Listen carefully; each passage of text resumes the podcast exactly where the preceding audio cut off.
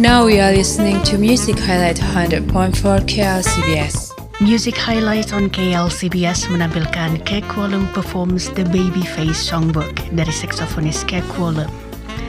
Menurut kritikus Clyde Lee Dennis dari E-Zine Articles, album tersebut mengagumkan.